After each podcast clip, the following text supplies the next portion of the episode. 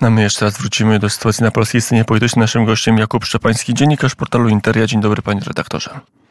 Dzień dobry panie redaktorze, dzień dobry państwu. E, I przede wszystkim zastanowimy się, co się dzieje, w, jaki, jest, e, jaki jest bilans polityczny po, po sprawie polskich mediów, bo wydaje się, że już można powoli używać czasu przeszłego. Mm, posłowie PiS zakończyli rotacyjne interwencje poselskie, takie stałe, stałą obecność w Polskiej Agencji Prasowej. Pytanie, co będzie z telewizyjną agencją informacyjną, ale chyba tam jeszcze jutro będzie, będą jeszcze politycy Prawa i Sprawiedliwości, ale potem nie wiadomo. Widać, że kurz powoli zaczyna opadać i kto z tej walki wychodzi zwycięsko, panie redaktorze. Znaczy, no, na ten moment y, na pewno obserwujemy chaos i bałagan i ja bym zaryzykował twierdzeniem, że po obydwu stronach, bo e, z jednej strony mamy polityków PiS, którzy e, bronią mediów publicznych e, w takim stanie, jaki pamiętamy no, z, czasów rządów PiS z ostatnich ośmiu lat i z drugiej strony mamy resort kultury i ministra Bartłomieja Sienkiewicza, który no, przynajmniej w pierwszym, e, na pierwszym etapie mm, po przejęciu władzy zdecydował się chyba na no, jedno z tych gorszych rozwiązań, a, a przynajmniej tak, tak to było komentowane, czyli e, siłowe przejęcie PAP, mm, tak naprawdę e, no, rzekomo na podstawie kodeksu spółek handlowych. Mm, tutaj pojawiły się wątpliwości, konstytucjonaliści, eksperci zajmujący się prawem w Polsce wypowiadali się, że no, tutaj jest to rozwiązanie najprawdopodobniej niezgodne z prawem e, i, i, co do tego nikt nie miał wątpliwości. Wtedy właśnie, no tak się wydaje przynajmniej oczywiście, zwolennicy Platformy e, zapewne mm, uważali inaczej. Mm, niemniej jednak no, zareagowali na te próbę siłowego przejęcia mediów publicznych posłowie PiS, e, którzy wkroczyli do TVP, do PAP czy do Polskiego Radia. E, no teraz od wczoraj w zasadzie, od późnego wieczora sytuacja się zmieniła, bo w związku przynajmniej taki jest oficjalny powód, w związku z prezydenckim, z prezydenckim wetem do ustawy okołobudżetowej, minister Sienkiewicz zdecydował się na likwidację spółki, jaką jest na przykład TVP. No i teraz mamy kolejną odsłonę tego sporu, no bo tak jak już y, pan redaktor był uprzejmy powiedzieć, y, no posłowie PiS y, kończą ten protest. No zobaczymy w jakim kierunku się to teraz będzie wszystko rozwijało. Mm, I zobaczymy, kto z tego będzie mm, zyskiwał. No wydaje się, że takim największym mm, politycznym nowum całej tej sprawy to było weto pana prezydenta. Prezydent Andrzej Duda najpierw chciał no, jakoś przynajmniej częściowo współgrać z, z nową koalicją, porozumieć się, dogadać, pójść na kompromis, tak to się analizowało. No a teraz już otwarta wojna. No, od początku, od, od, od października, odkąd Platforma y, wygrała wybory, większość komentatorów, dziennikarzy, a nawet samych polityków zastanawiało się nad tym, jak będzie ta współpraca z prezydentem Dudą y, wyglądała, współpraca rządowo-prezydencka. No widzimy, że mm, prawdopodobnie no nie, nie będzie się układała najlepiej. E, mamy tu sprzeczność interesów. No nie zapominajmy też, że pan prezydent e, wywodzi się bezpośrednio z obozu e, Prawa i Sprawiedliwości, więc no nie można się dziwić. Niemniej jednak no, Musimy też pamiętać, że kancelaria prezydenta jest uzależniona mm, od rządu, no bo tutaj na przykład mówimy o środkach, które będą przeznaczone e, na jej działalność w kontekście budżetu. Także e, jeżeli, e, jeżeli pan prezydent no, chciałby, mm, czy liczy na jakieś większe środki na przykład, no to z rządem musi się dogadać. No, ta kadencja, mm, kadencja prezydencka po jej zakończeniu pan prezydent nie będzie mógł się ponownie ubiegać o urząd, no więc wiemy, że mm, możliwości ma kilka i, pod kątem samej prezydentury e, nie ma tutaj nic do, do stracenia.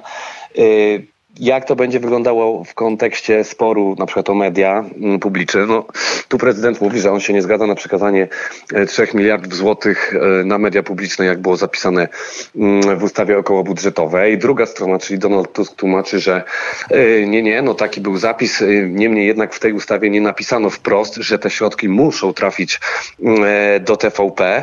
No, niemniej jednak skończyło się na tym, że wczoraj pan premier wyszedł na konferencję prasową, no i powiedział, e, wszystkim, że dotrzyma obietnic z kampanii wyborczej i te trzy e, i, te, i te pieniądze trafią po prostu na onkologię i chore dzieci, tak jak Platforma w kampanii wyborczej obiecywała. Także no, na ten moment mamy takie status quo ze wskazaniem, mm, no biorąc pod uwagę to, co się dzieje praktycznie, wydaje mi się, że jednak na Platformę Obywatelską i Ministerstwo, no bo jak tak się rozmawia mm, z ekspertami z zakresu prawa pracy, czy, czy, czy w ogóle prawa, no to słychać, że no, to rozwiązanie z likwidacją spółki, no gdzieś tam mieści się już w ramach prawnych, więc mm, w zasadzie ta dyskusja przenosi się z poziomu chyba siłowego na, na, na poziom dyskusji prawni, prawniczej, takiej stricte. Prawa i zaczenie to będzie miał rację.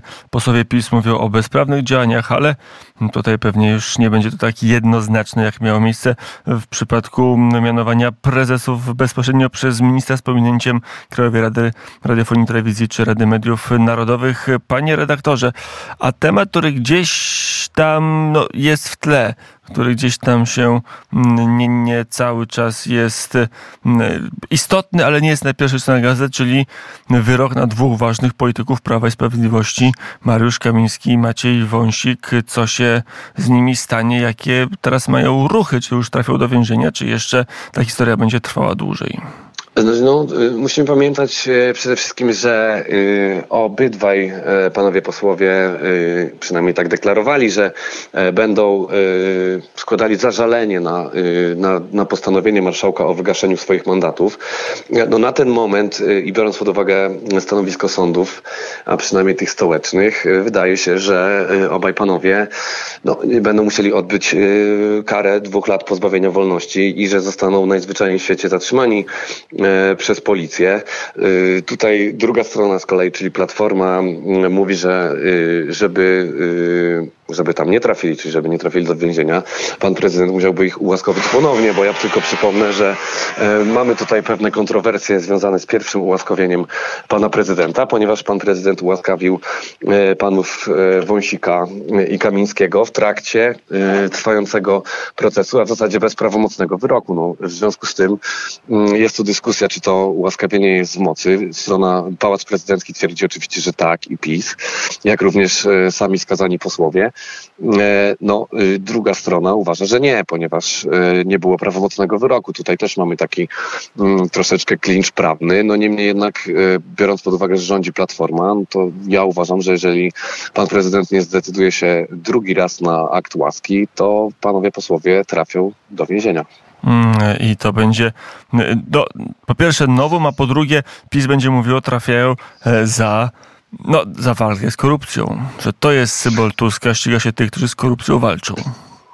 No tak, y, oczywiście y, takie argumenty już padają, że, że jest to symbol walki z korupcją, że prowokacja, przecież kontrolowane wręczenie łapówki to, jest, to są metody y, używane, bo, bo o takich zarzutach między innymi mówimy, to są metody używane przez dojrzałe demokracje, to na przykład powiedział dla Interi Patryk Jaki, przez Amerykanów czy Niemców. No, Pewnie tak, no niemniej jednak ja nie wiem, czy tutaj y, posłowie PiS jako konserwatyści zwłaszcza nie idą troszeczkę za daleko, no bo kwestionowanie wyroków sądów y, prawomocnych, yy, sędziów, którzy prezentują no, majestat Rzeczpospolitej, wy, wydają wyroki w imieniu Rzeczpospolitej, no, no nie jest dobrym przykładem dla społeczeństwa, no bo każdy, kto zostanie skazany, może później powiedzieć, że no nie, no ale zaraz, zaraz, to pan sędzia to nie zgadza się z moimi poglądami politycznymi, więc ja nie zgadzam się z jego wyrokiem. No dla mnie jest to e, droga do nikąd, no tym bardziej, że wiemy, oczywiście ja nie bronię tutaj wyroków e, sędziowskich, bo niektóre są absurdalne i co do tego nie ma najmniejszych wątpliwości. No niemniej jednak żyjemy w jakimś określonym porządku prawnym, no i tak mi się przynajmniej wydaje, no jeżeli ktoś e, sam siebie nazywa konserwatystą, to powinien ten porządek prawny szanować. Mm, jakie są odgłosy ze strony pana prezydenta? Czy no, to byłoby kontrowersyjne i pewnie trudne dla pałacu i dla samej głowy państwa, ale powtórnie ułaskawić? Znaczy, no, do tej pory pan prezydent, tak jak i jego ministrowie, no, stoją jasno na, na stanowisku, że, yy, że to ułaskawienie pierwsze jest w mocy. Yy, jeżeli pan prezydent zdecydowałby się drugi raz no, wykonać taki krok, to z pewnością mm, w jakiś sposób uderzyłby w swoją wiarygodność, podważyłby to, co mówi, czyli politycznie na pewno no, nie byłoby to najlepsze rozwiązanie.